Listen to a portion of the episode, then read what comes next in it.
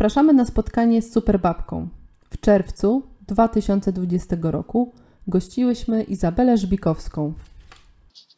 Ogromnie się cieszę, że po raz kolejny możemy się spotkać na spotkaniu z superbabkami, tym razem znów w wersji online, ale liczę na to, że w nowym sezonie pojawimy się już w naszych tradycyjnych spotkaniach na żywo z możliwością transmisji. Dziś jednak korzystamy z dobrodziejstwa internetu i tego, że możemy się połączyć z różnymi zakątkami świata. Ostatnio naszą superbabką była Hind, z którą łączyliśmy się e, w Hiszpanii albo z Hiszpanii, e, a dzisiaj o wiele bliżej ale mam też poczucie, że o wiele mm, równie, równie egzotycznie, równie e, tak e, szeroko w tym kontekście, że osobę, którą dzisiaj chciałabym Wam pokazać, to Izabela Żbikowska i dla mnie to jest osoba o wielu twarzach, a oczywiście spójnych, ale takich, które robią ogromne wrażenie na mnie i nie tylko na, na mnie. I Iza właśnie zakończy nasz sezon no Superbabek, który miałyśmy przyjemność prowadzić. I teraz zobaczmy Izę, jak wygląda Iza. Cześć Izo. Cześć, bardzo mi miło, dziękuję za zaproszenie. To dla nas jest, dla nas jako dla całej fundacji, bo gdy rozmawialiśmy o kandydaturach na e, Superbabkę, no jednogłośnie od razu przyznaliśmy tak, Iza to jest taka osoba, która musi się koniecznie pojawić i każda z nas, a jest nas prawie osiem, powiedziała e, o tobie z ośmiu różnych kontekstów, dlaczego Iza powinna być jako Superbabka. I to jest po raz kolejny dowód dla mnie, i też myślę, że dla Was, którzy nas oglądają, e, że Iza ma wiele wspaniałych twarzy, które się łączą w tą tutaj uśmiechniętą e, twarz e, opatrzoną okularami. Iza, gdybyś miała parę takich zdań, które by najlepiej Cię opisały, to jakie to byłyby to zdania? Wiesz co, jestem przygotowana do tego pytania, dlatego że na pewno jestem osobą o narcystycznych skłonnościach. Już kiedyś myślałam o tym, co najlepiej by mnie opisywało, jakie zdanie. I padło na zdanie z mojej ulubionej książki e, Klub Dima, którą e, może tę historię znacie szerzej jako Dziewiąte Wrota w reżyserii Polańskiego. W każdym razie tam jest takie zdanie, książki w książce, które mówi o tym, że już od urodzenia posiadał dar humoru i poczucie, że świat jest szalony i było to całe jego dziedzictwo. E, zatem to jest do, dokładnie o mnie, bo moi rodzice niestety, przynajmniej o tym nie wiadomo, wciąż czekam na taką wiadomość, że córko, nie musisz już pracować, zostawiamy ci szereg po prostu majątków i włości, ale na razie nic z tego. E, zatem pozostaje mi po prostu poczucie humoru, które uważam, że jest moją dobrą e, cechą. No i jakaś taka, jakieś takie przekonanie wewnętrzne, że, e, że życie jest szalone, że świat generalnie jest szalony i nie trzeba się tym za bardzo przejmować. Staram się e, jakby podążać za tą myślą. Bardzo e, pięknie to powiedziałaś. Przez chwilę mi przyszło przez myśl, że może ja powinnam poszukać jakiegoś takiego literackiego, ładnego odpowiednika w ogóle dla siebie, bo to jest plus 10 do takiej, wiesz, korony na czole, jeśli chodzi o, prezentację. Tak. Jeśli chodzi o prezentację i e, twoją, e, twoją osobę, czy moją osobę, gdybym używała tego triku. Mm, a gdybyś miała tak, wiesz, ktoś jak cię będziesz sobie chciał wygooglować, to na pewno znajdzie informację o tym, że byłaś dziennikarką związaną z Gazetą Wyborczą, że ukończyłaś psychologię i to nie taką psychologię, że jak się dzisiaj pani czuje, tylko psychologię społeczną, ale też psychologię związaną z no takimi, ja bym to nazwała kryminalno-sądowymi, mediacyjnymi klimatami, ale popraw mnie, jeśli się mylę. Śledczym. Mhm. Śledczą po prostu, no. Tak i e, jeszcze bardzo często dużo się rzeczy o tobie pojawia w związku z fundacją Human Dog. E, teraz powiedz mi, e, czy jest jeszcze coś, o czym nie wspomniałam, jeśli chodzi o takie jakby twoje wiesz, no materialne, materialne ramy, kim jestem. Bardzo lubię pić e, słodką miętową herbatę w Marrakeszu. I chciałabym, e, to kolejna rzecz z mojej narcystycznej natury, chciałabym mówić o sobie, że jestem podróżnikiem czy podróżniczką, ale tak nie jest. Jestem turystką. E, chociaż to z dumą też mówię to, to słowo. Bardzo lubię podróżować, lubię być poza granicami kraju. odkrywać inne światy, inne kuchnie i chciałabym, żeby, bo wiesz, to co wcześniej powiedziałaś o psychologii, o pracy, to kiedyś, kiedyś zaczęłabym swoją wypowiedź od tego, że jestem dziennikarką. A teraz jestem mamą i trochę mi się też zmieniły wartości, ale jak, w oczekiwaniu na to dziecko w ogóle starałam się prze, przewartościować swoje życie i dążyć do tego, żeby to nie praca mnie definiowała. Bo okazało się w pewnym momencie, wiesz, jak jesteś dziennikarzem i co jakiś czas pojawia się twoje nazwisko na papierze, to e, zaczynasz wierzyć, że jesteś e, kimś. Że, ale w takiej, w, idziesz w taką stronę, przynajmniej mnie to dopadło, no nie wiem, może trochę arogancji, takiego przekonania, że im więcej jest ciebie w papierze, e, czy tam w internecie, im więcej twoje nazwisko się gdzieś tam pojawia publicznie, tym więcej znaczysz. No to jest e, nieprawda, to jest, e, wiesz, no bo ile osób dzisiaj może wskazać jakiś mój artykuł? Przypuszczam, że niewiele. I, i okej, okay, trzeba po prostu to sobie uświadomić. I dzisiaj pracując dla Fundacji Human Dog, która robi mnóstwo dobrego, E, to ja e, z jednej strony chcę się utożsamiać przez pracę, ale ponieważ to, co robimy, jest dosyć złożone, nie mogę powiedzieć, że zajmujemy się konkretnie jakimś tam tematem. Zajmujemy się zmienianiem świata na lepsze, więc okej. Okay. No ale w każdym razie konstrukcja fundacji jest e, dosyć złożona, więc też muszę znaleźć jakąś inną definicję. Więc chyba najprościej powiedzieć o tym, o, o tym podróżowaniu, o, tych, o tym poznawaniu świata.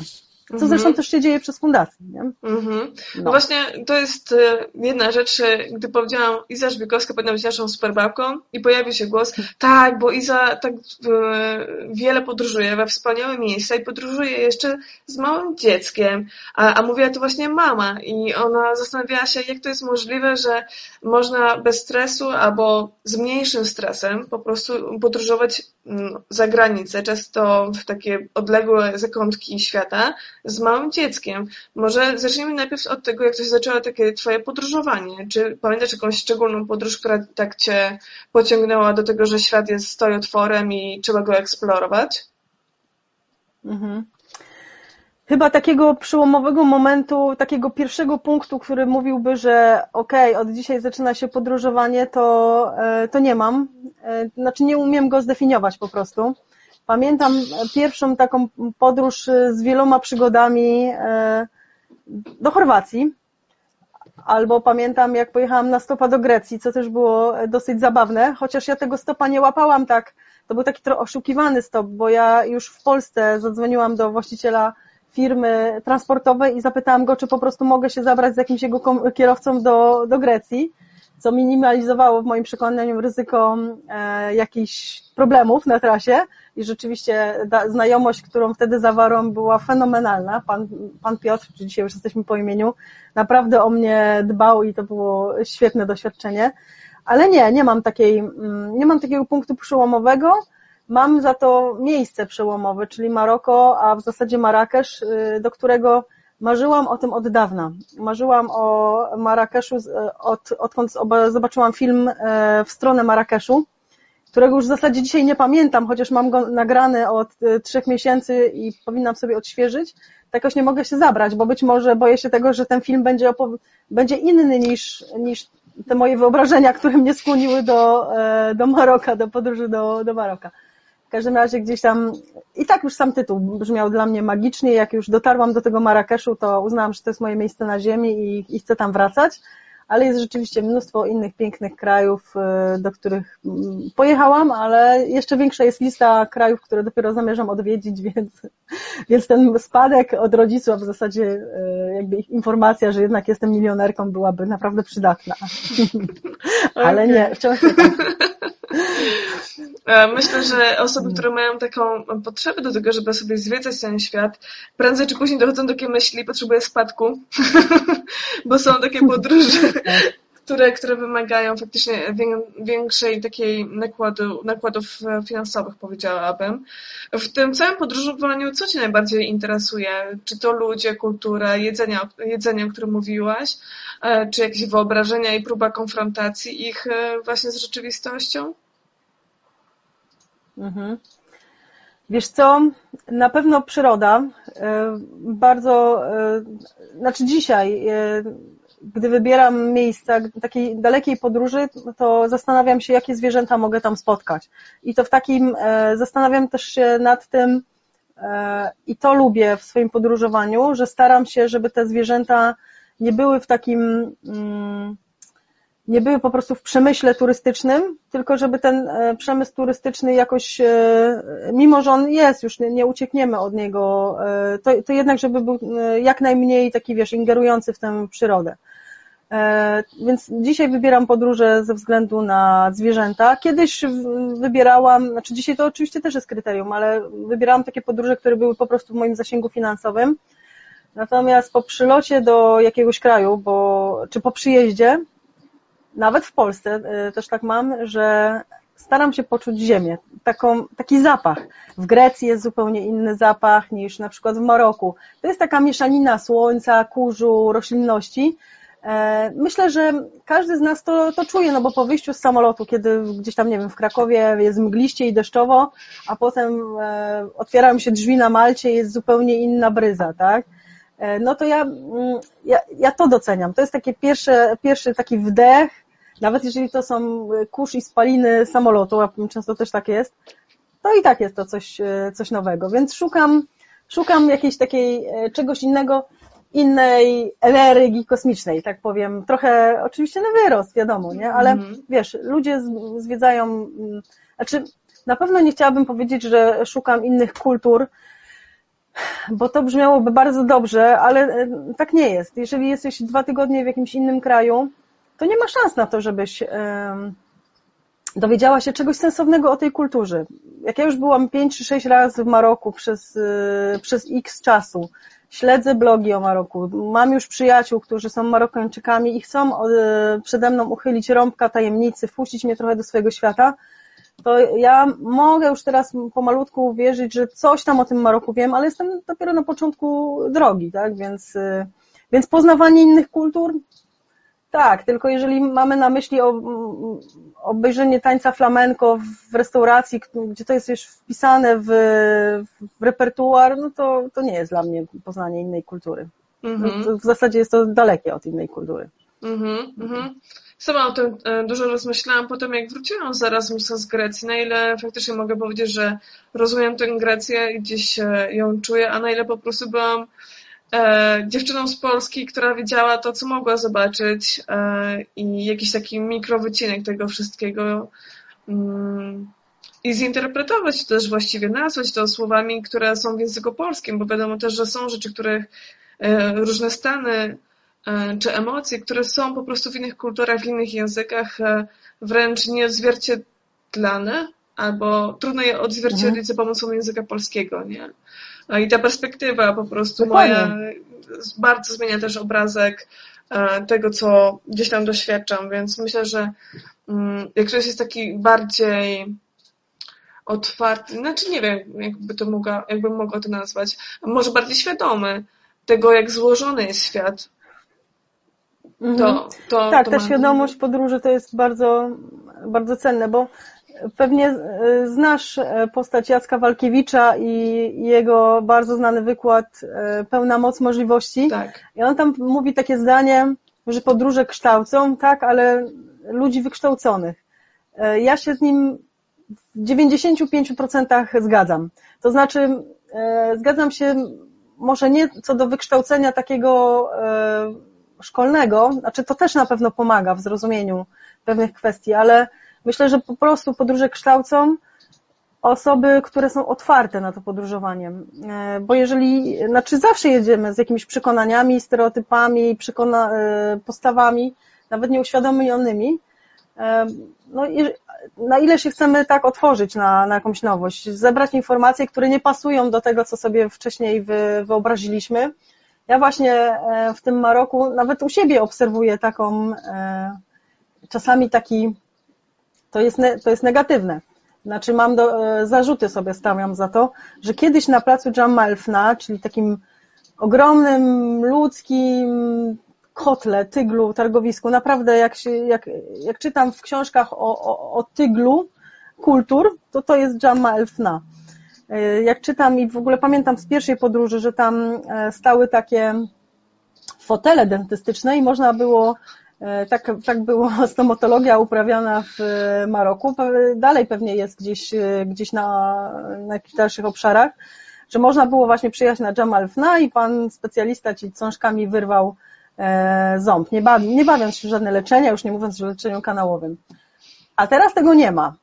E, nie ma tego z różnych względów, choćby dlatego, że dwa albo trzy kilometry dalej od Jamalfna jest bardzo nowoczesna e, dzielnica, gdzie nie tylko stomatolodzy, ale kliniki medycyny estetycznej to są po prostu jak grzyby po deszczu wyrastają i to za ciężkie pieniądze, tak? Można sobie zoperować wszystko.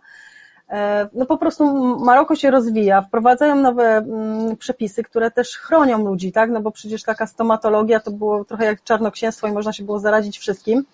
No ale my, turyści, trochę żałujemy, że nie, nie jesteśmy świadkami takiego egzotycznego obrazka i nie mamy potem e, o czym opowiadać przy piwie, tak? E, więc, więc Maroko się zmienia, jest też coraz bardziej świadome, tak jak zmienia się Polska, tak jak co, co jakiś czas wprowadzamy pewne ulepszenia dla koni na krupówkach, nie na krupówkach, na e, morskim przy, tym, przy morskim oku. Tak. tak. E, prawda? Więc e, to też nie jest tak, że, że to Maroko takie dzikie i, mm, i nieokiełznane i powinno się uczyć od nas świetnych Europejczyków. No nie, no ka każdy idzie swoją drogą po prostu, nie? Więc, no ale w każdym razie zaczęłam od tego, że ja czasami żałuję, że, że Maroko jest tak podobne E, do tego, co ja już znam, bo brakuje mi takiej romantycznej wizji Orientu. Mhm. No, no ale to, to jest mój problem. I, by, I powinnam być bardziej świadoma tego, co wiesz, e, czego ja chcę i nie, nie, nie wsadzać w tubylców i lo, mm. lokalsów w, w, ramy tego, co mi się podoba i, i wiesz, nie oczekiwać od nich baśni z tysiąca jednej nocy, tylko po prostu kontemplować to, co zostałam. Mhm. To ciekawa myśl. Myślę, że też trochę mm, w mojej głowie spójnie z tym, co ostatnio sobie czytałam i oglądałam w kontekście e, ludzi czarnoskórych w Stanach Zjednoczonych e, i pojawił się jeden taki ciekawa opinia, mm, gdy zaproponowano jakąś taką alternatywę do wierszyka, może jak Bambo. I tam było, mhm. w tej alternatywie tego wierszyka było mowa o Kwame, który gra sobie na Fifie e, przez PlayStation, który chodzi sobie normalnie do szkoły, pomaga gdzieś tam rodzicom e, w sklepie i tak dalej, i tak dalej. E, I był taki głos oburzenia, że po co pokazywać, że wszyscy jesteśmy tacy sami i tak bardzo podobni do siebie. E, I kontropinia do tego komentarza, która utkwiła mi w głowie, to była taka, że przestańmy E, tak idealizować egzotyczność czarnoskórych osób, że one nie istnieją dla naszej rozrywki, że są tak ładne, bo się różnią, e, w sensie, że mają ciemniejszą skórę i takie na pewno są egzotyczne, bo to jest jakaś nasza fantazja postkolonialna, że my teraz będziemy białe osoby się zachwycać czarnoskórymi osobami i tego, że na pewno siedzą w chatkach z błota, tak? A, i są szczęśliwi. I są szczęśliwi, tak, tak, dokładnie, nie? I to jest to, co powiedziałeś, bardzo mi gdzieś tam rezonuje z tym, że przestańmy w jakiś sposób e, podkręcać tą, albo bądźmy przynajmniej świadomi tego, że nie wiem, fantazjujemy na temat czyjejś egzotyczności i bardzo nam zależy, by wszyscy dookoła, dookoła byli egzotyczni, a globalizacja no, robi wszystko, żebyśmy prędzej czy później byli bardziej do siebie podobni przynajmniej no, w mojej opinii, nie jestem specjalistką od studiów globalnych. Mhm. No wiesz, to jest, y, to jest taka na pewno strona globalizacji, znaczy to może być wadą i zaletą, tak? To jeżeli mamy dostęp do edukacji najnowszych, y, najnowszej medycyny, to super. A pytanie jakby ile ile tracimy ze swojej tożsamości na rzecz globalnej, mm, globalnej tożsamości. Mm -hmm. To jest bardzo szeroka dyskusja, nie wiem, czy, czy chciałabym nią teraz wchodzić, ale powiem Ci tylko o jednym obrazku, który widziałam ostatnio w mediach społecznościowych, pewnie też gdzieś Ci przemknął. Było, e, było na nim pięć symboli znanych marek i pięć, pięć liści, liści jak różnych, różnych drzew, drzew tak? tak? No i co, co potrafisz nazwać? Wiesz co, no na, na tych drzewach poległam, tak z trzy po, powiedziałam, co to jest i tak nie do końca zresztą pewna, na dwa zupełnie nie miałam pomysłu, za te marki to, to wiesz, no i nie, e, mój syn, znaczy on też nie, nie mógłby, nie byłby w stanie nazwać, e, nazwać e, ani liści, ani marek, Natomiast on jak już, bo wiesz, bajki, ogląda bajki i ogląda na YouTubie i ostatnio widział na, na muralu, był znaczek YouTube'a, to podszedł do tego znaczku i chciał go włączyć, żeby bajki oglądać, więc to mnie z jednej strony rozśmieszyło, a z drugiej, ale tak naprawdę potem mnie zmroziło, że hola hola, muszę trochę przystopować e, z tymi bajkami i bardziej się, wiesz, pochylić nad, e, nad tym, gdzie chcę prowadzić swojego syna, którą drogą. Mhm. mhm. Okej. Okay. No. Przypomniałaś właśnie o swoim synie, e, synu, a chciałam o to Cię też podpytać. Jak zmieniło się Twoje podróżowanie, odkąd jesteś mamą? Mhm. Dzisiaj, z perspektywy tego, że mój syn ma prawie 3 lata, za chwilę, y, za, za, za 2 czy 3 tygodnie będzie, będzie już trzylatkiem, co nie mogę w to uwierzyć, że to tak szybko minęło, to dzisiaj muszę, wydaje mi się, że moje podróżowanie się nie zmieniło. To znaczy, no w pewnym momencie bilety były nieco tańsze, a teraz już y, płacimy pełnoprawną cenę, to pod względem ekonomicznym się zmieniło, ale wiesz, e, bo wiele osób rzeczywiście mnie pytało o to podróżowanie z dzieckiem i e, to jest tak z, tym podróżowaniem z dzieckiem, że nasze podróże nie zaczęły się w momencie, kiedy pojawił się Gustaw. Zaczęły się znacznie wcześniej, więc Gucio po prostu e, wskoczył pewien tryb, e, nasz tryb, tak, bo razem z moim niemężem Mieczysławem sporo, sporo podróżujemy z jednej strony dlatego, że ja lubię, a z drugiej strony dlatego, że on biega biegi ultra, które zwykle dzieją się w różnych zakątkach świata i fajnie to łączymy. Więc e, to podróżowanie było dla nas jakimś takim naturalnym stanem. No to tak jakby trochę zapytać rodzinę muzyków, tak? Ja, my w ogóle nie jesteśmy muzyczni, jak to jest, że ich dziecko gra na instrumencie? No, naturalnie, bo oni grają, więc on pewnie coś tam podłapał, tak, i, i już. Ale e, tego podróżowania można się nauczyć E, jeśli, jeśli chcemy, bo jak, e, jak pamiętam, jak wróciłam ze szpitala z dzieckiem, ja, ja wcześniej nie miałam w moim otoczeniu małych dzieci. Moja przyjaciółka miała e, dzieci szybciej niż ja, ale ja tam, wiesz, byłam tak z doskoku, ona mieszka tak 120 kilometrów ode mnie, ja tak z doskoku coś tam poklepałam po buzi, powiedziałam jaki słodki i, i tyle, nie? To było całe moje doświadczenie. No i powiem Ci, że żało, żałowałam wtedy, bo wróciłam z dzieckiem ze szpitala do domu i nie wiedziałam, co mam robić, nie? Czy ja sobie poradzę. I, no ale z każdą minutą, z każdą godziną okazywało się, że ten mały obcy, no nie jest taka, nie jest takie znowu straszne, że jakoś tam dzień za dniem jest lepiej, chociaż na początku się w ogóle nie odnajdowałam w tej, w tej roli ma, e, macierzyństwa, znaczy w tym stanie. I dlatego te podróże tak kompulsywnie e, planowałam, bo wydaje mi się, że to było po prostu, wiesz, takie, takie liny rzucane na most, żebym ja na drugą stronę przepaści, żebym ja dotarła do swojej, do, odnalazła siebie na nowo tak, po prostu, tak, nie? bo tak. stawanie się matką to jest po prostu proces. Ja myślę, że o tym się za mało mówi, że nie, wszyscy, nie, nie zawsze jest tak, że mama dostaje dziecko e, na rękę i mówi, wow, moja po prostu najlepsza kruszynka. No ja tak nie miałam. I potem jak rozmawiałam z e, koleżankami, a okazało się, że w tym samym czasie, kiedy, kiedy pojawił się Gustaw, to pięć moich koleżanek z byłej pracy też e, szybciej lub później miało swoje dzieci. I, e, I też rozmawiałyśmy między sobą, że to, że kurczę, chyba coś ze mną jest nie tak, bo ja wcale nie czuję jakiejś takiej niesamowitej miłości.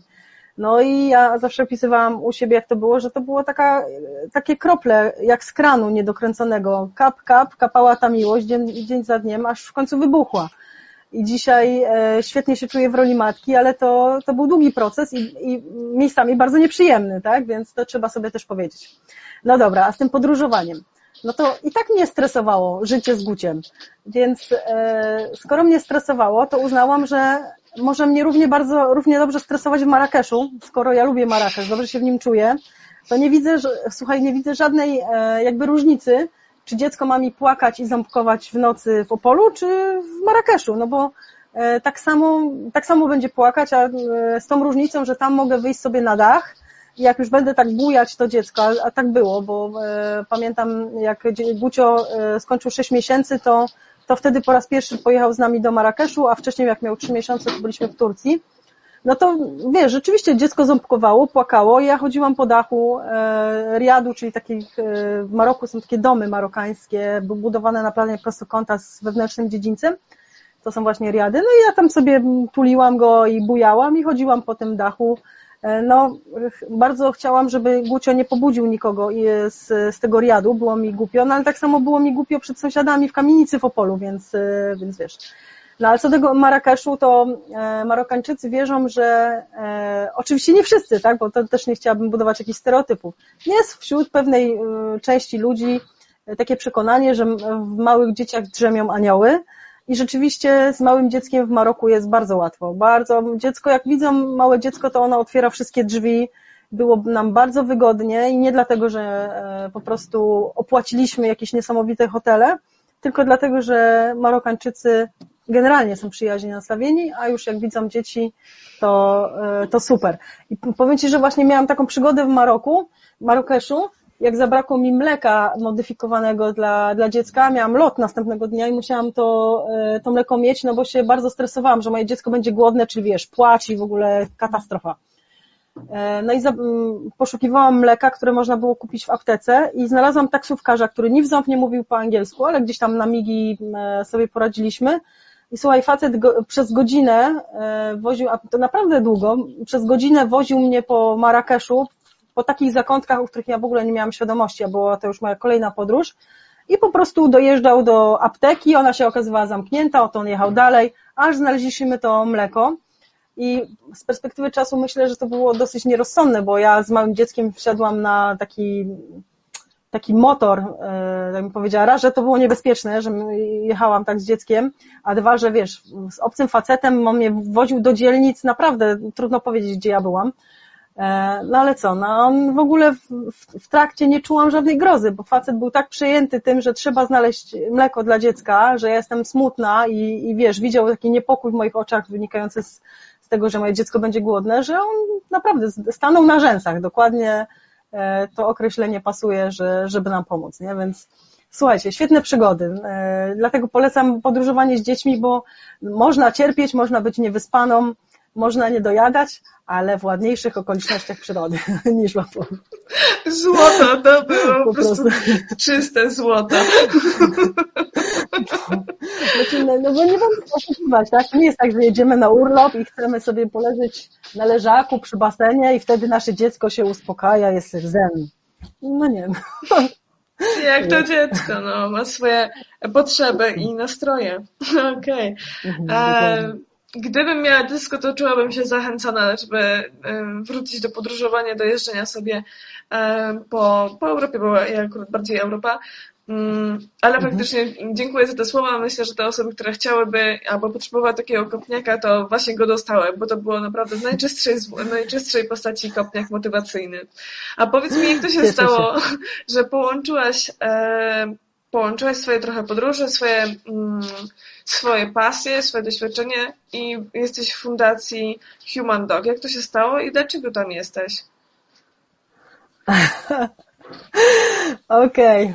Słuchaj, bardzo bym chciała powiedzieć e, taką historię, że mam świetne CV, je wysłałam i zarząd fundacji po prostu padł na kolana, jak e, dostał moje CV.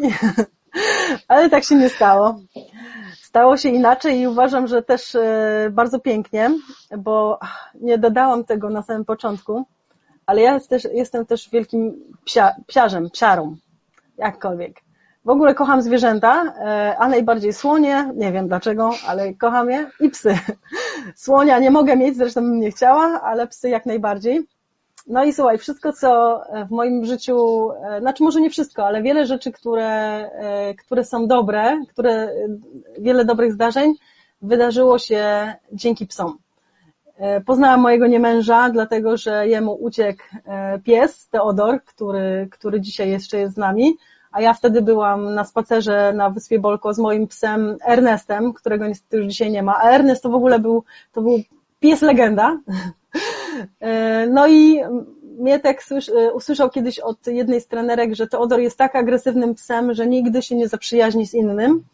A tymczasem Ernest i Teodor się poznali, zaprzyjaźnili i e, skoro tak, to myśmy też zaczęli chodzić razem na spacery i tada, i tak od dziewięciu lat już chodzimy na te spacery ze sobą. A jeszcze była w międzyczasie taka historia, że był taki pies, który taki wymagający, bardzo fajny, ale też po prostu wymagał opieki, czy, czy tego, żeby zabrało, zabierano go na spacery przez kogoś, kto już z psami, dużymi psami miał do czynienia. No i ja się trafiłam. I przez tego psa o egzotycznym imieniu Alif, przez tego psa poznałam jedną z założycielek Fundacji Human Dog. No i i już, i któregoś dnia e, po, po chyba miesiącach, czy może nawet dłużej takiej znajomości przez, e, przez psa, któregoś dnia dostałam SMS-a o tym, że jest, e, że Fundacja Human Dog organizuje taki międzynarodowy festiwal filmów dokumentalnych i potrzebują wsparcia. I czy ja nie chciałabym dołączyć do ekipy. No jak dostałam tego SMS-a, to ja się w ogóle nie zastanawiałam, tylko odpisałam jasne, że chcę.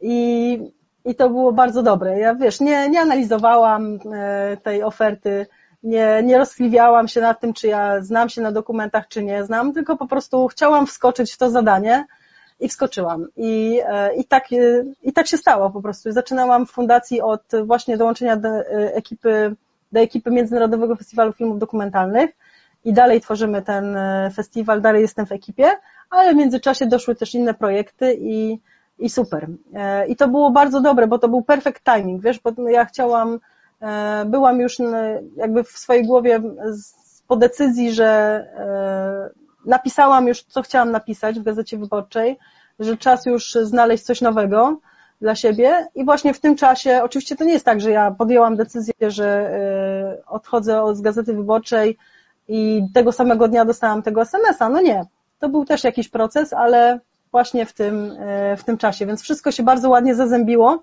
Zresztą powiedziałam Ci na, e, na, e, na wstępie, że mam to poczucie humoru i przekonanie, że świat jest szalony i mam też przekonanie, że szczęście mi sprzyja. I właśnie to jest jeden z, z tych elementów, że po prostu kiedyś ogląda, oglądasz kiedyś Kaczora Donalda? Tak. Jak to była tam, był taki odcinek o jednym z bohaterów, który miał zawsze szczęście, że na przykład miał kilka dolarów, ale je zgubił, choć, a, a były te dolary na pizzę. Mhm. I wtedy, i potem przechodził ulicą i z ciężarówki wypadła pizza. No i ja mam właśnie tak jak ten, ten, ten Donald, nie? czy tam e, bohater tej historyjki.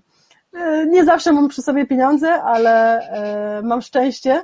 Zresztą mój znajomy powiedział kiedyś better to be lucky than rich ja się z tym zgadzam, zdecydowanie się z tym zgadzam.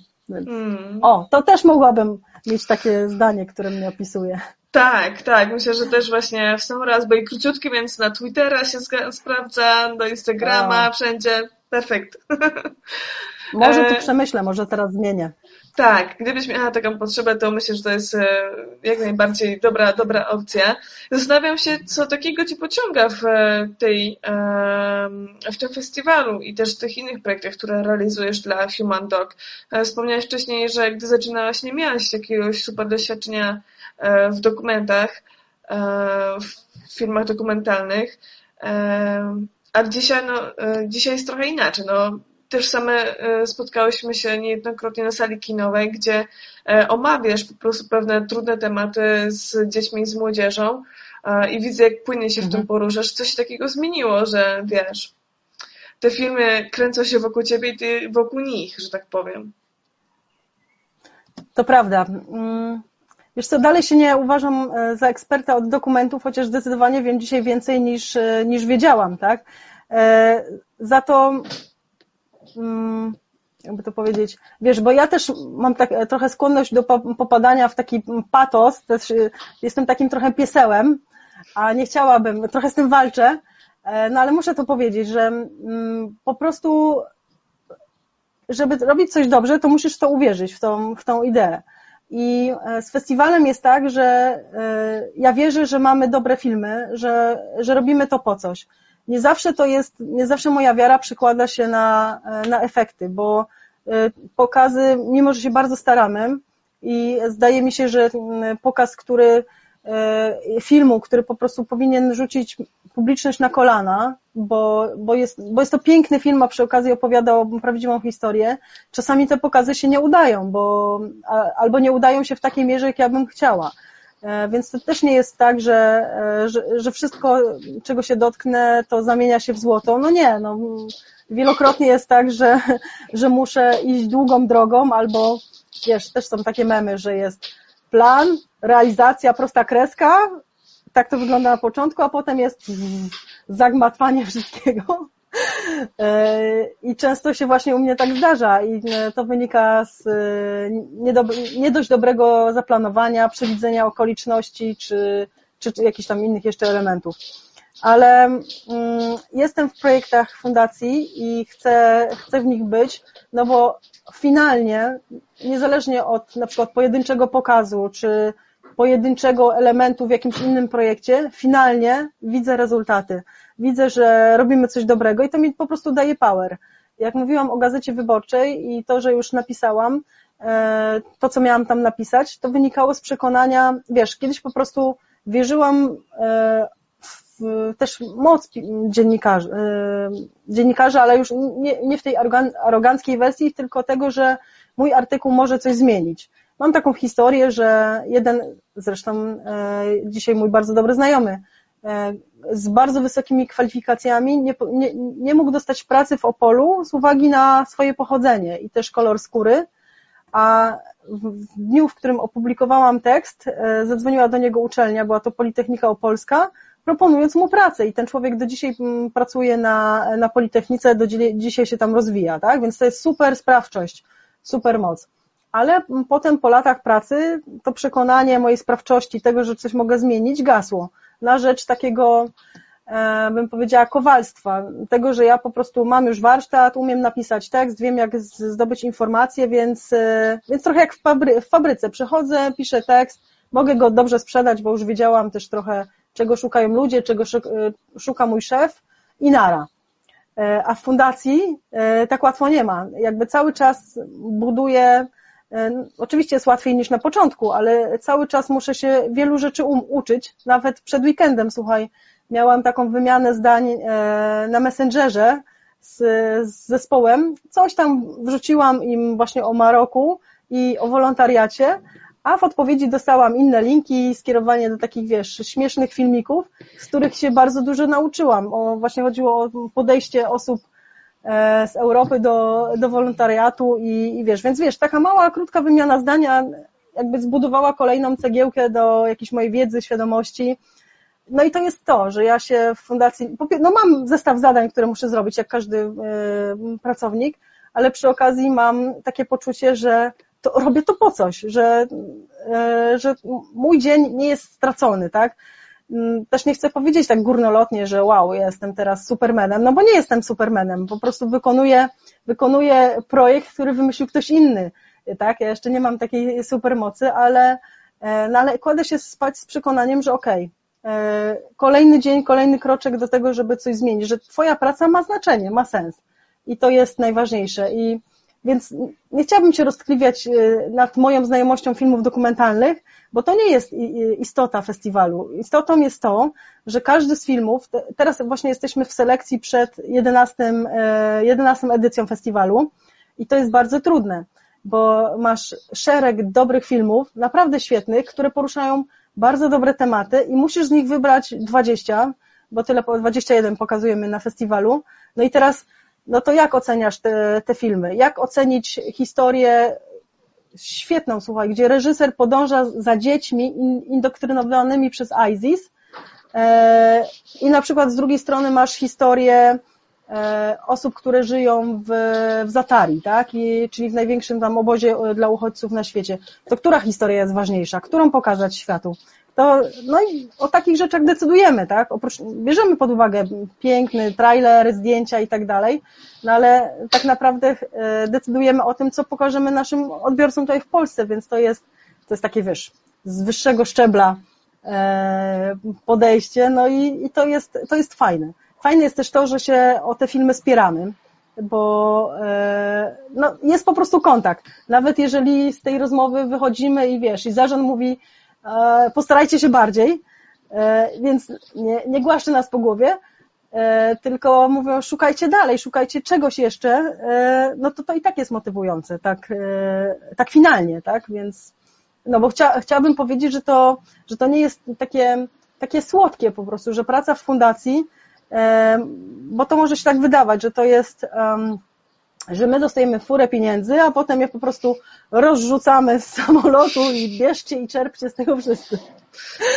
Tak się nie dzieje. To trzeba e, zaplanować, wiedzieć konkretnie, co się chce zrobić, dla kogo, dlaczego akurat tam. E, przy okazji uniknąć miliona pułapek i, i już, i dobrnąć z projektem do, do końca, więc e, to jest długa, długa droga i trzeba mieć sporo wprawy. I Fundacja Human Dog ma 10 lat, znaczy istnieje już od 10 lat. Ja dołączyłam na, na poziomie tam 2018 roku i to na takich, wiesz, mm, nie weszłam od razu w, w całość fundacji, tylko na etapie jednego projektu i już, i to jest, mm, i to się rozwija i to jest świetne, więc, ale też bardzo stresujące czasami, czy wymaga, wymaga dużego zaangażowania, no i już, zresztą sama wiesz, jak to, jak to wygląda, bo no, fajne są projekty, e, ale ale to są, to są rzeczy dla, ludziom, dla ludzi, którym się chce. To nie jest praca od 8 do 15, prawda? Nawet jeżeli mamy oficjalnie tak, że pracujemy w takich godzinach, to i tak potem mielisz w głowie, co mogłaś zrobić lepiej, albo co jeszcze tam dodać, albo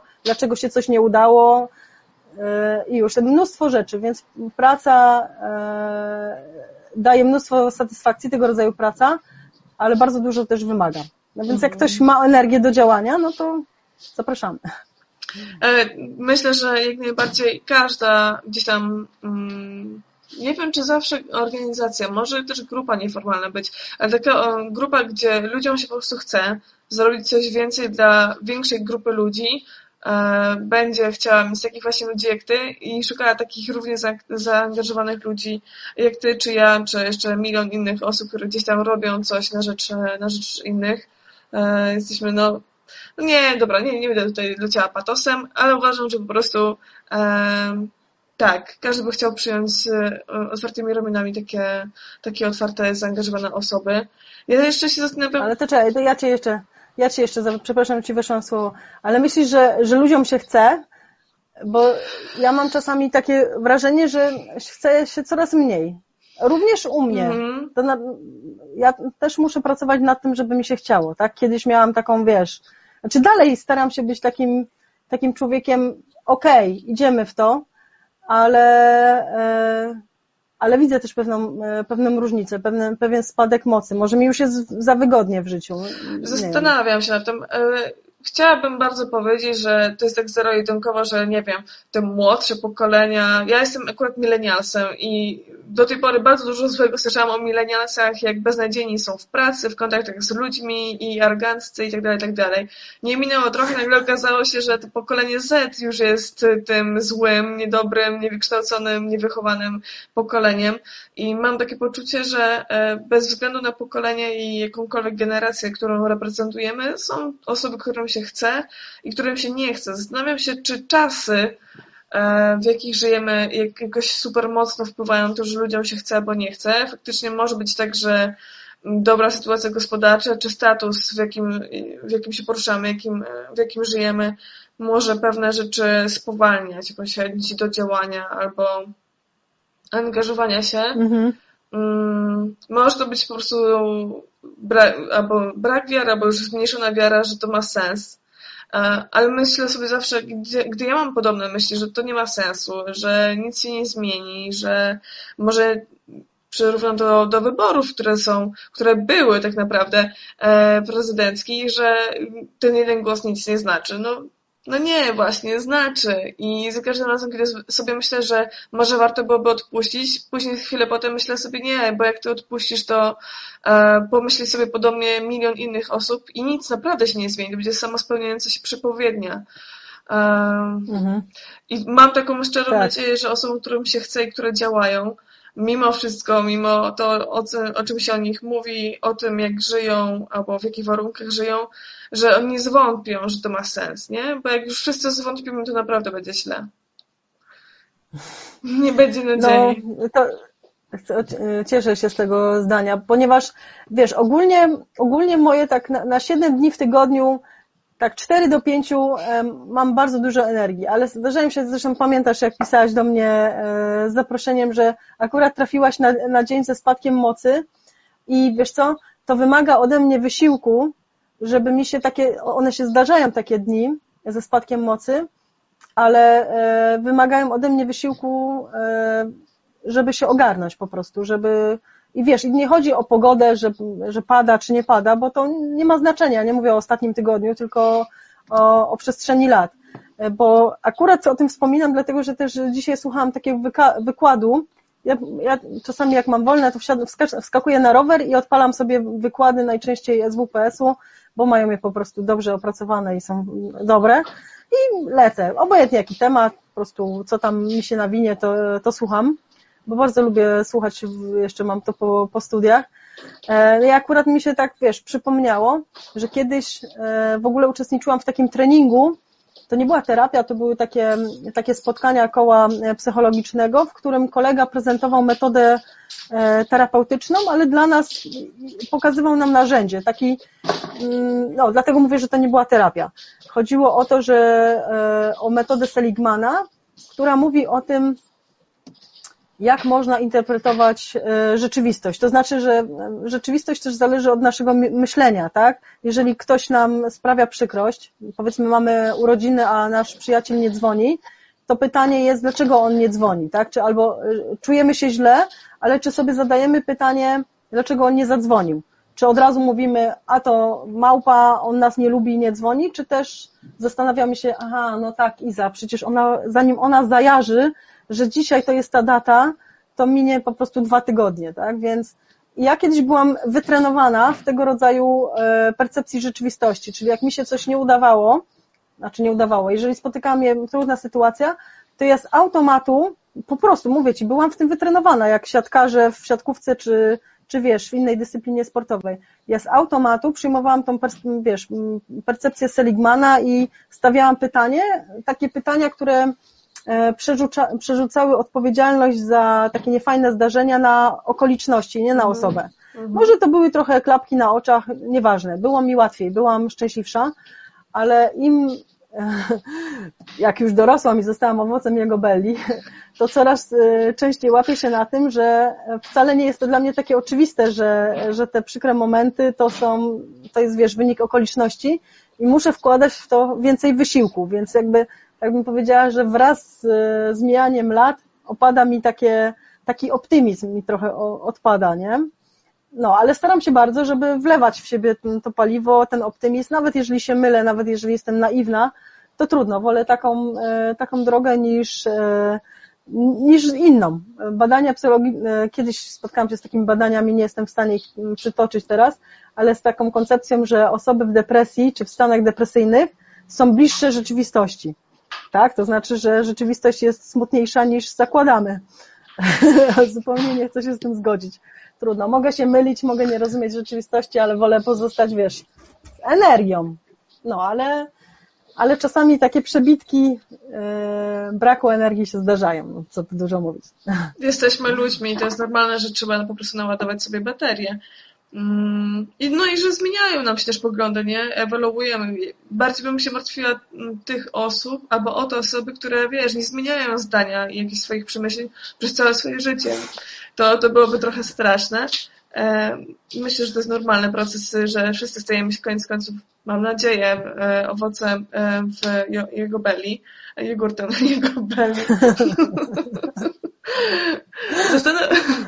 Zastanawiam się jeszcze nad rolą zwierząt w Twoim życiu. W sensie e, widzę, że jesteś bardzo aktywna, jeśli chodzi o sporty. Najróżniejsze. Ostatnio przykuło moją uwagę nie tak też... bardzo, jakbym chciała. Okej, okay, bo wiemy, że lockdown, że epidemia i te sprawy, chociaż e, myślę sobie, że jak ktoś wie, że potrzebuje tego ruchu, to, to, to, to jest kwestia zdrowia i życia, tak? E, bycie w tym ruchu, nie? No jasne bieganie. Widziałam, że chyba setki kilometrów udało Ci się ostatnio przebiec. Mogę się mylić? No, wiesz co, ja już po prostu właśnie, e, ja to źle napisałam e, na tym Facebooku, albo nie dość dokładnie, bo to nie jest tak, że ja przebiegłam e, te 100 kilometrów naraz. To jest suma treningów, tak? I w, tak. w końcu okazało się, że, że trzasnęła mi już pierwsza przebiegnięta stówka No ale dobra, już potem nie chciało mi się tłumaczyć w komentarzach. Znaczy coś tam wytłumaczyłam, ale już trudno. Jak ktoś uważa, że przebiegłam 100 kilometrów na raz, może tym lepiej dla mnie. Już pozostanę w tym micie.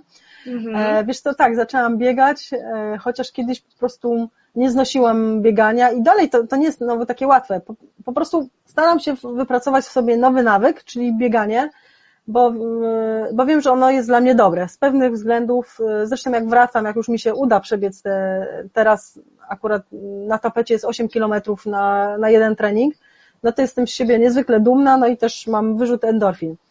E, ale zdecydowanie jak mam jakieś sporty do, do wyboru, to e, i rower na przykład, to, to zawsze, póki co jeszcze, mm, sięgam po rower. Mhm. E, no, ale ten sport, wiesz co, e, ten sport jest dobry, niezależnie czy biegamy, czy, czy jeździmy na rowerze, czy robimy coś tam innego. O, najbardziej lubię w ogóle pływać, ale baseny są pozamykane, więc dla mnie to jest bardzo taki e, no nieprzyjemny, nieprzyjemna rzecz z lockdownu bo nie mogę pływać, a najlepsze po prostu w sporcie jest to, że po pewnym momencie, jak już tak mielisz, nie wiem czy tak masz, ale podejrzewam, że tak, że twój mózg mieli po prostu milion sytuacji tego, że wciąż nie odpisałaś na jakiegoś tam maila albo coś tam jeszcze zalega, to w którymś momencie uprawiania sportu po prostu to się wyłącza i ja no w basenie mam tak głównie, że albo odpływam i zaczynam myśleć o czymś tam, e, planując wakacje, nowe kierunki, albo po prostu nie myślę o niczym, tylko wiesz, noga, noga, ręka, ściana, coś tam, nie? Więc takie, e, taki spokój osiągam, więc e, no, cokolwiek prowadzi nas do takiego spokoju i, i, tego odcięcia się od takiego, takiej sieczki w głowie, to takiego chaosu, e, no to jest dobre. Czy to jest bieganie, czy jazda na rowerze, czy przytulanie się do psa, whatever. Ważne, mhm. żeby to znaleźć i, i sobie na to od czasu do czasu pozwolić.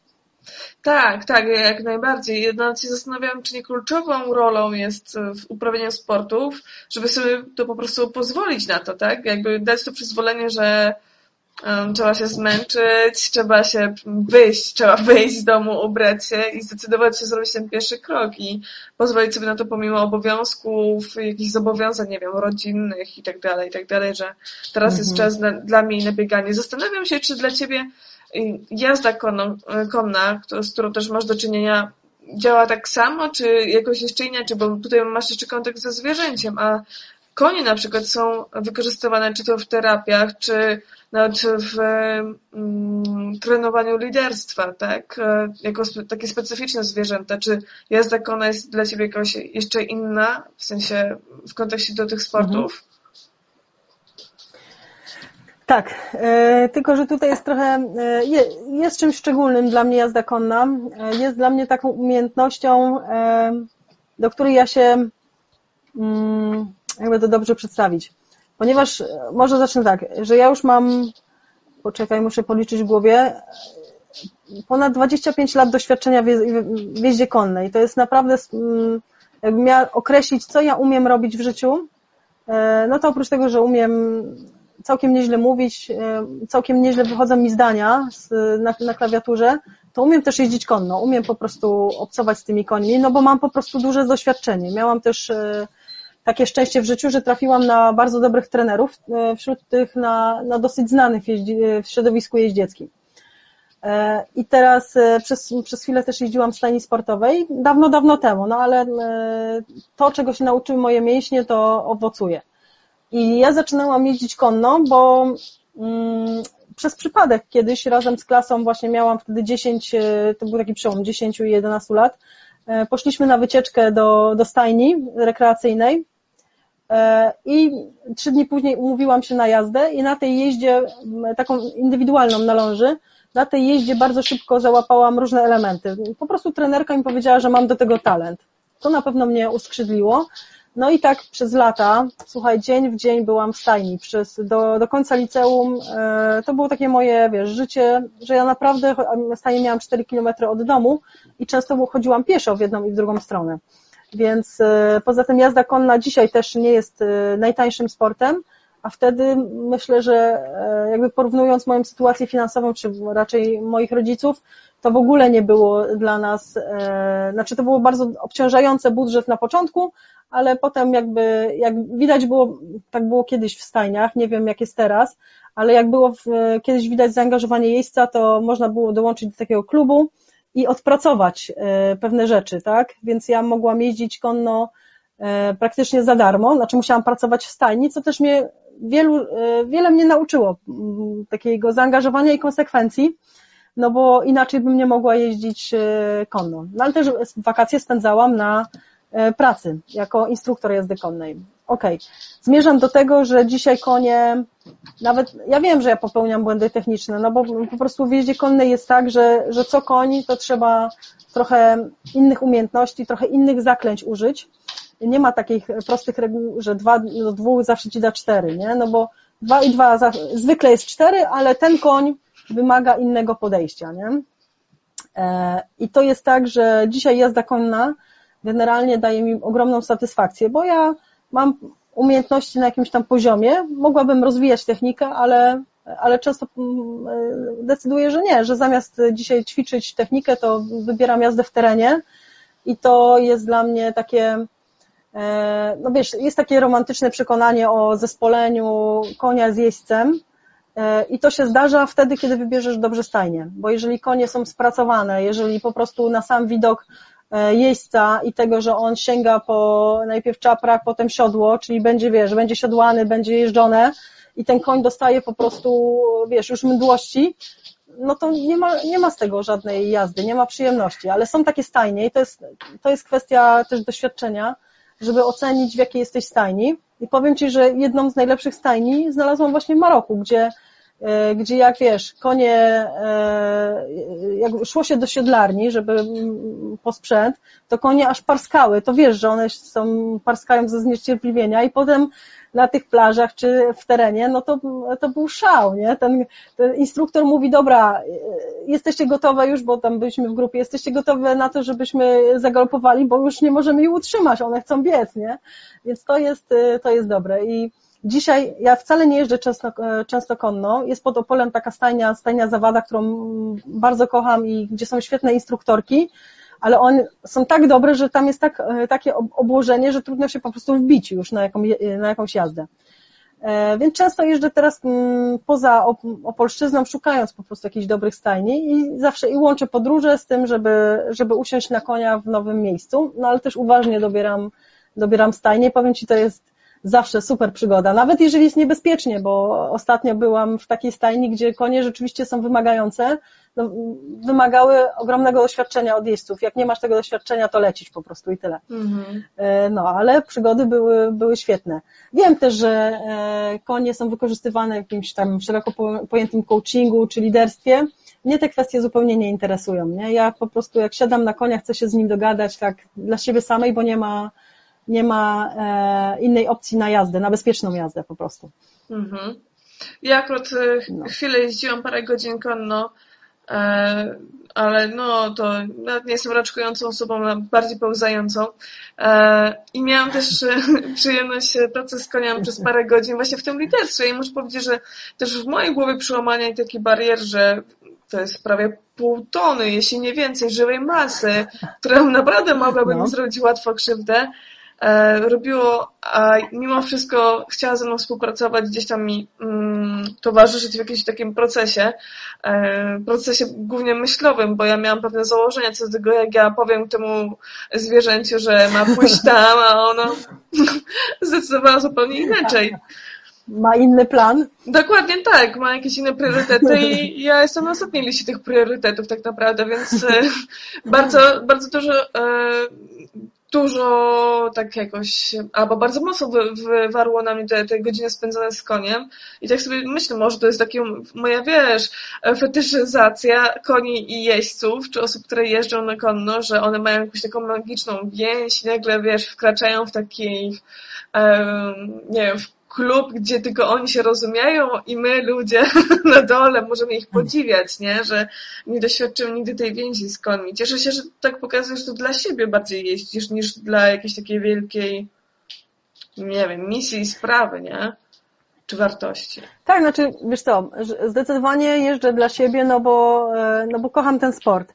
I też jest tak, że bo ja może tak trochę bezosobowo o tych koniach powiedziałam, bo ja nie mam własnego konia.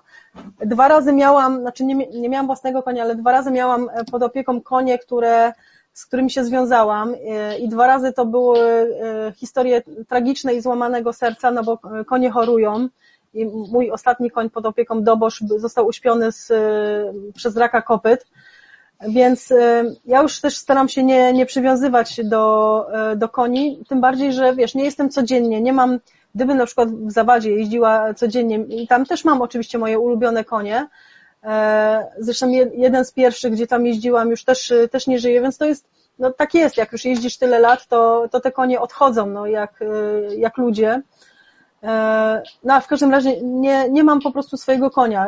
Bywam w różnych stajniach, więc się z tymi końmi nie, nie przywiązuję. Zawsze staram się dowiedzieć nie tylko jak ma na imię, ale jakie ma usposobienie.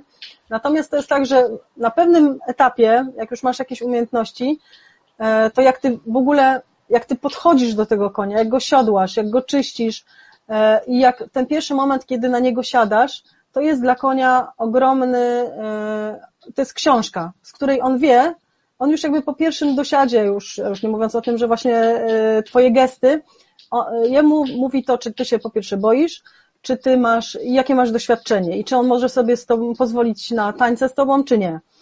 E, I, I, to już jakby u mnie się to dzieje z automatu, bo e, koń bardzo reaguje po prostu na sygnały, które mu się daje z, krzyża. Ludzie tak, zwłaszcza początkujący, myślą, że ten wodze są najważniejsze, jak go pociągnę w lewo albo w prawo, to on wszystko powinien zrobić. No nie, no to wędzidło, jasne, możesz mieć jak bardzo ostre nawet hakamore, ale jak się koń uprze, to nic ci to nie da. Chociaż hakamore akurat y, jest bardzo ostre. No nieważne, w każdym razie konie jakby już na dzień dobry generalnie wiedzą, z kim mają do czynienia. I jak jest dobry jeździec, który, i to też widać na samym początku, czy ten jeździec po, pierwsze potrafi, a po drugie, czy on chce z nami współpracować, e, czy nie, czy chce nam, na mnie coś wymusić. E, moje ponad 25 lat e, doświadczenia mówi o tym, że nie ma sensu wymuszać niczego na koniu. Tak jak mówisz, pół tony, a ja też lubię duże konie. E, to to czasami nawet jest 600 czy 700 kg. Nie ma sensu po prostu wymuszać niczego na koniu, dlatego szukam stajni, gdzie konie są wypoczęte, gdzie teren, czy w ogóle jazda jest dla nich przyjemnością, bo dla koni często to jest dobra zabawa, nie? Jak, e, słuchaj, no, jak byłam właśnie w tej ostatniej stajni na Dolnym Śląsku, te konie znają teren.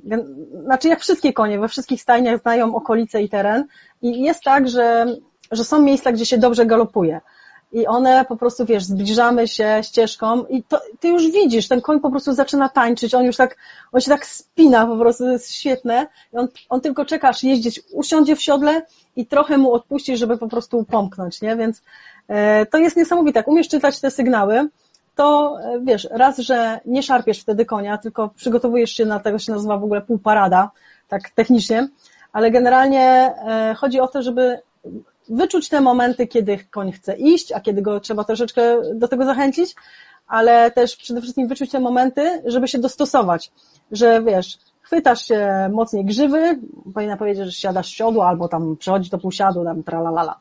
Dobra, ja się tam chwytam mocniej grzywy i heja, nie? I wiesz, i lecisz i, i po prostu masz 60 kilometrów na liczniku co jest bardzo dużo. E, nie widzisz nic, bo ci tak e, łzy kapią. Mówisz, dobra, stary, ja nie znam tutaj podłoża, wierzę, że ty wiesz, co robisz. No i, i, i lecisz. To jest super, naprawdę. Tylko, że raczej nie, czasami czytam na forach podróżniczych, że ktoś tam zwiedził Kaukaz i jego marzeniem było przyjechać konno przez ten teren. Nigdy nie siedział, ale znalazł jakiegoś tam konia i pojechał, nie?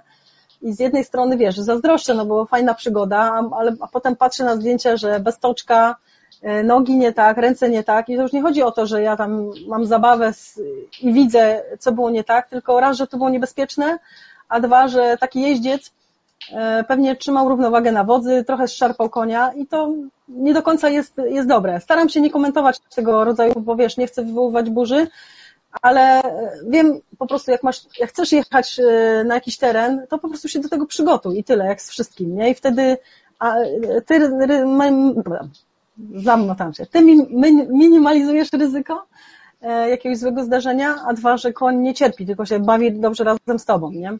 No bo wiesz, znalezienie konia w jakiś tam rzeczywiście na Kaukazie czy w Gruzji, e, że nic o nim nie wiesz, dostaniesz konia i jedź sobie, no to, to się zdarza. No i to jest niestety niebezpieczna pokusa, mm. żeby, wiesz, no. Ale, Ale taka... polecam. No domyślam się, że jak widzę Cię w ogóle, jak te emocje, tak, emocje Cię tutaj, no. że tak powiem, targają, myślę, mówisz o, o jeździe konnej, więc widzę, że naprawdę gdzieś to Cię pasjonuje. Ja też, tak jak mówię, parę godzin spędziłam w, w siodle i to jest coś niesamowitego dla mnie po prostu, że jaka to jest świetna zabawa, e, jaki to jest świetny kontakt ze zwierzęciem w ogóle. E, też dla mnie była lekcja pokory, ale muszę przyznać, że faktycznie z takich różnych sportów, które próbowałam, ten był jeden z takich, e, nie powiedziałabym, że takich egzotycznych, ale generalnie takich bardziej wyrazistych niż, wiesz, pływanie, o którym mm. mówiłaś, czy bieganie, czy jazda rowerem. Jest coś takiego dla mnie w, w tej jeździ konnej. E, I wyobrażam a, sobie... No, bo e, w takich, na przykład dla mnie, pasjonujących momentów, okej, okay, opowiedziałam teraz, wiesz, o, o, o galopie, czy nawet czasami konie przechodzą do cwału, to jest takie najbardziej malownicze, ale no nie ma niczego lepszego niż jakby po tym wszystkim, jak już wracasz do stajni, albo już jesteś przed stajnią, tego konia trzeba, znaczy i tak powinien wrócić już trochę roz, zrelaksowany po, po, po tym terenie, ale trzeba go też e, rozstępować, to że wtedy taki spocony koń tak sobie chodzi, czasami się pieni i ty się przytulasz do jego mokrej szyi i wiesz, czujesz te, to ciepło skóry, to bicie po prostu serca, a już w ogóle jak już znasz stajnię, masz e, trochę umiejętności, masz zaufanie, znaczy nie przesadzałabym z tym zaufaniem, bo zawsze może coś się zdarzyć, ale ktoś na przykład może ci konia potrzymać i kładziesz się tak zupełnie, najlepiej bez siodła, ale e, można też siodle, że kładziesz się, po prostu głowę kładziesz na, na zadzie konia i tak sobie albo stoisz, albo przez chwilę stępujesz. To jest niesamowite. To jest nawet dla osób początkujących, y, zresztą tak się buduje zaufanie y, na, na samym początku jazdy i to jest coś niesamowitego. Do dzisiaj mnie to po prostu fascynuje, nie? Więc to przytulenie się do szyi konia albo położenie się na jego grzbiecie polecam, jak będziesz mogła jeszcze, e, jeszcze wrócić na jazdy, no to jak najbardziej. I to rzeczywiście bardzo buduje pewność siebie jeźdźca i wiesz, no ale też wymaga sporo od, y, od zwłaszcza od, od, osób, które są na początku tej drogi, nie? Zastanawiam się, no. czy przede wszystkim nie odwagi. E, I teraz jak sobie myślę, bo zmierzamy trochę ku końcowi, że dla mnie jesteś taką trochę o, osobą jako chodzącą odwagą, nie? Żeby mieć odwagę, że po pierwsze e, nie dać się zamknąć w jakikolwiek, wiesz, e, czy tam etykietki, czy w czterech ścianach w ogóle, czy, czy, czy zamknąć się w jakimś tam jednej przestrzeni. E, I jakoś trzeba mieć odwagę do tego, żeby po prostu przekraczać te kolejne takie rzeczy żeby robić się pierwsze kroki, których tobie nie brakuje, jak mam, tak jak ciebie słucham, to tak, tak sobie wyobrażam. Nie wiem, może chciałabyś mnie jakoś skorygować i powiedzieć, nie, nie, wcale tak nie jest, ale mam już tutaj kontrargument. E, jak z tobą rozmawiam o tym, dlaczego chciałabym, żebyś była super babką e, i miałaś ten zły dzień, to później powiedziałeś, ale ja nie jestem wcale skromną osobą, więc, więc ja liczę, że po prostu mi tak teraz przyznasz rację po prostu, że jesteś chodzącą odwagą. No dobra, teraz mam takie, coś takiego, że rzeczywiście nie jestem skromną osobą i wiesz, i też z tym walczę, bo to jest takie śmieszne. Moi znajomi, e, zwłaszcza z tego bliskiego kręgu, bardzo lubią żartować z mojego narcyzmu, no bo to jest taka przywara, z, z której ja sobie zdaję sprawę, więc wiesz, e, staram się ją okiełznać. No i też chciałam powiedzieć, że w ogóle jak mi będzie smutno, to sobie odpalę tą rozmowę i będę, wiesz, no bo tutaj usłyszałam bardzo wiele miłych rzeczy pod moim adresem, więc, więc spoko.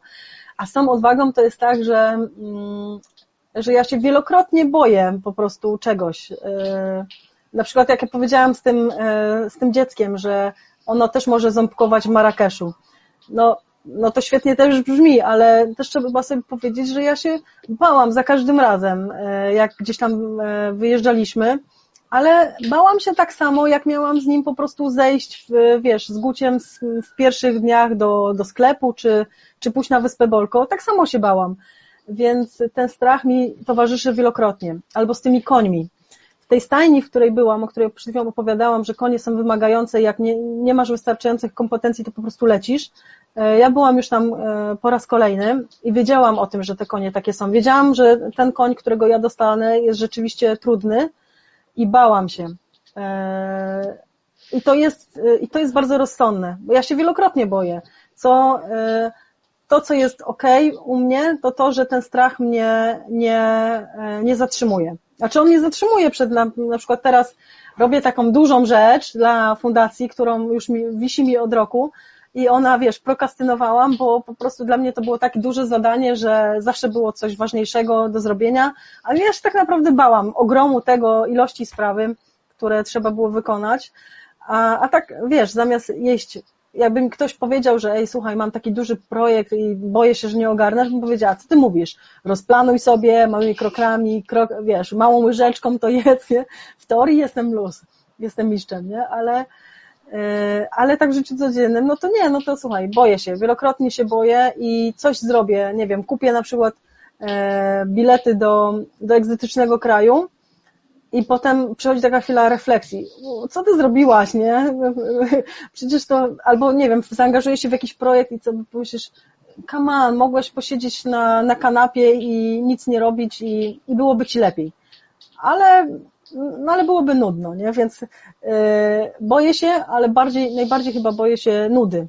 I to mnie może tak, wiesz, pcha do, do przodu. A mhm. potem się okazuje na, na, na końcu tego wszystkiego, że warto było, że warto było usiąść na tego konia i po prostu zaiwaniać po, po tej łące że warto było polecieć e, z Guciem i przeżyć te, te przygody, które e, przeżyłam, że warto było podjąć projekt, nawet jak go na początku nie czułam albo bałam się, to efekty są ok, nie? Że no, nawet czasami napawają dumą, więc no warto. Jak się boisz, to dobrze, to ci uratuje życie. Czasami masz, wiesz, taki rozsądek, ale żeby cię to nie powstrzymywało od działania, nie? Jezu, amen. Po prostu dzisiaj, dzisiaj wpadłam w tą kaznodzieję. A teraz, a teraz widzicie u dołu pasek z numerem konta. Przelejcie tam. Tak. Prosimy o szybkie przelewy, ponieważ Iza nie doczeka się po prostu spadku. E, żadnego też. Żadnego wielkiego majątku. Iza, w takim razie, e, gdybyś mogła zostawić wszystkich z jedną myślą, z jednym zdaniem na koniec naszej dzisiejszej rozmowy, co by to było? To jest mm. ostatnia szansa na pasek, wiesz, w naszym tutaj programie. Dobra, też gdzieś przeczytałam takie, takie ładne zdanie, może, może z takiej trochę e, duchowości naiwnej, jak to tam słyszę o, nie wiem, może to jest spółki Paulo Coelho, nie wiem, możliwe, ale mi się podoba. E, I to zdanie brzmi, że wszystko, czego pragniesz, jest po drugiej stronie e, strachu. No i już, ja w tym zdaniu odnajduję siłę, jeśli ty też, no to tym lepiej. Więc to jest to zdanie. Super, bardzo Ci dziękuję za tę rozmowę, za te wszystkie tematy, za Twoją energię, ciekawość świata, e, za ten humor, który tutaj z nami się podzieliłaś.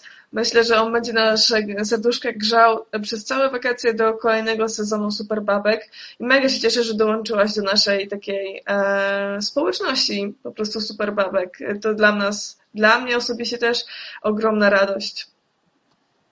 Bardzo dziękuję raz jeszcze za zaproszenie. No i tak jak mówię, słuchaj, no bardzo lubię słuchać własnego głosu. Żartuję, tak nie. Ale na pewno, chociaż pewnie będzie tak, że jak odpalę tylko pierwsze minuty tego nagrania, to powiem, Boże, nie mogę tego słuchać. Ale nie. Bawi, bawiłam się bardzo dobrze, dziękuję serdecznie. Ja również dziękuję. E, no i do zobaczenia oczywiście po, po wakacjach w, w kolejnych spotkaniach z Superbabkami. My się żegnamy. Moją gościnią dzisiaj była Izabela Żwikowska e, i do zobaczenia, do usłyszenia po wakacjach.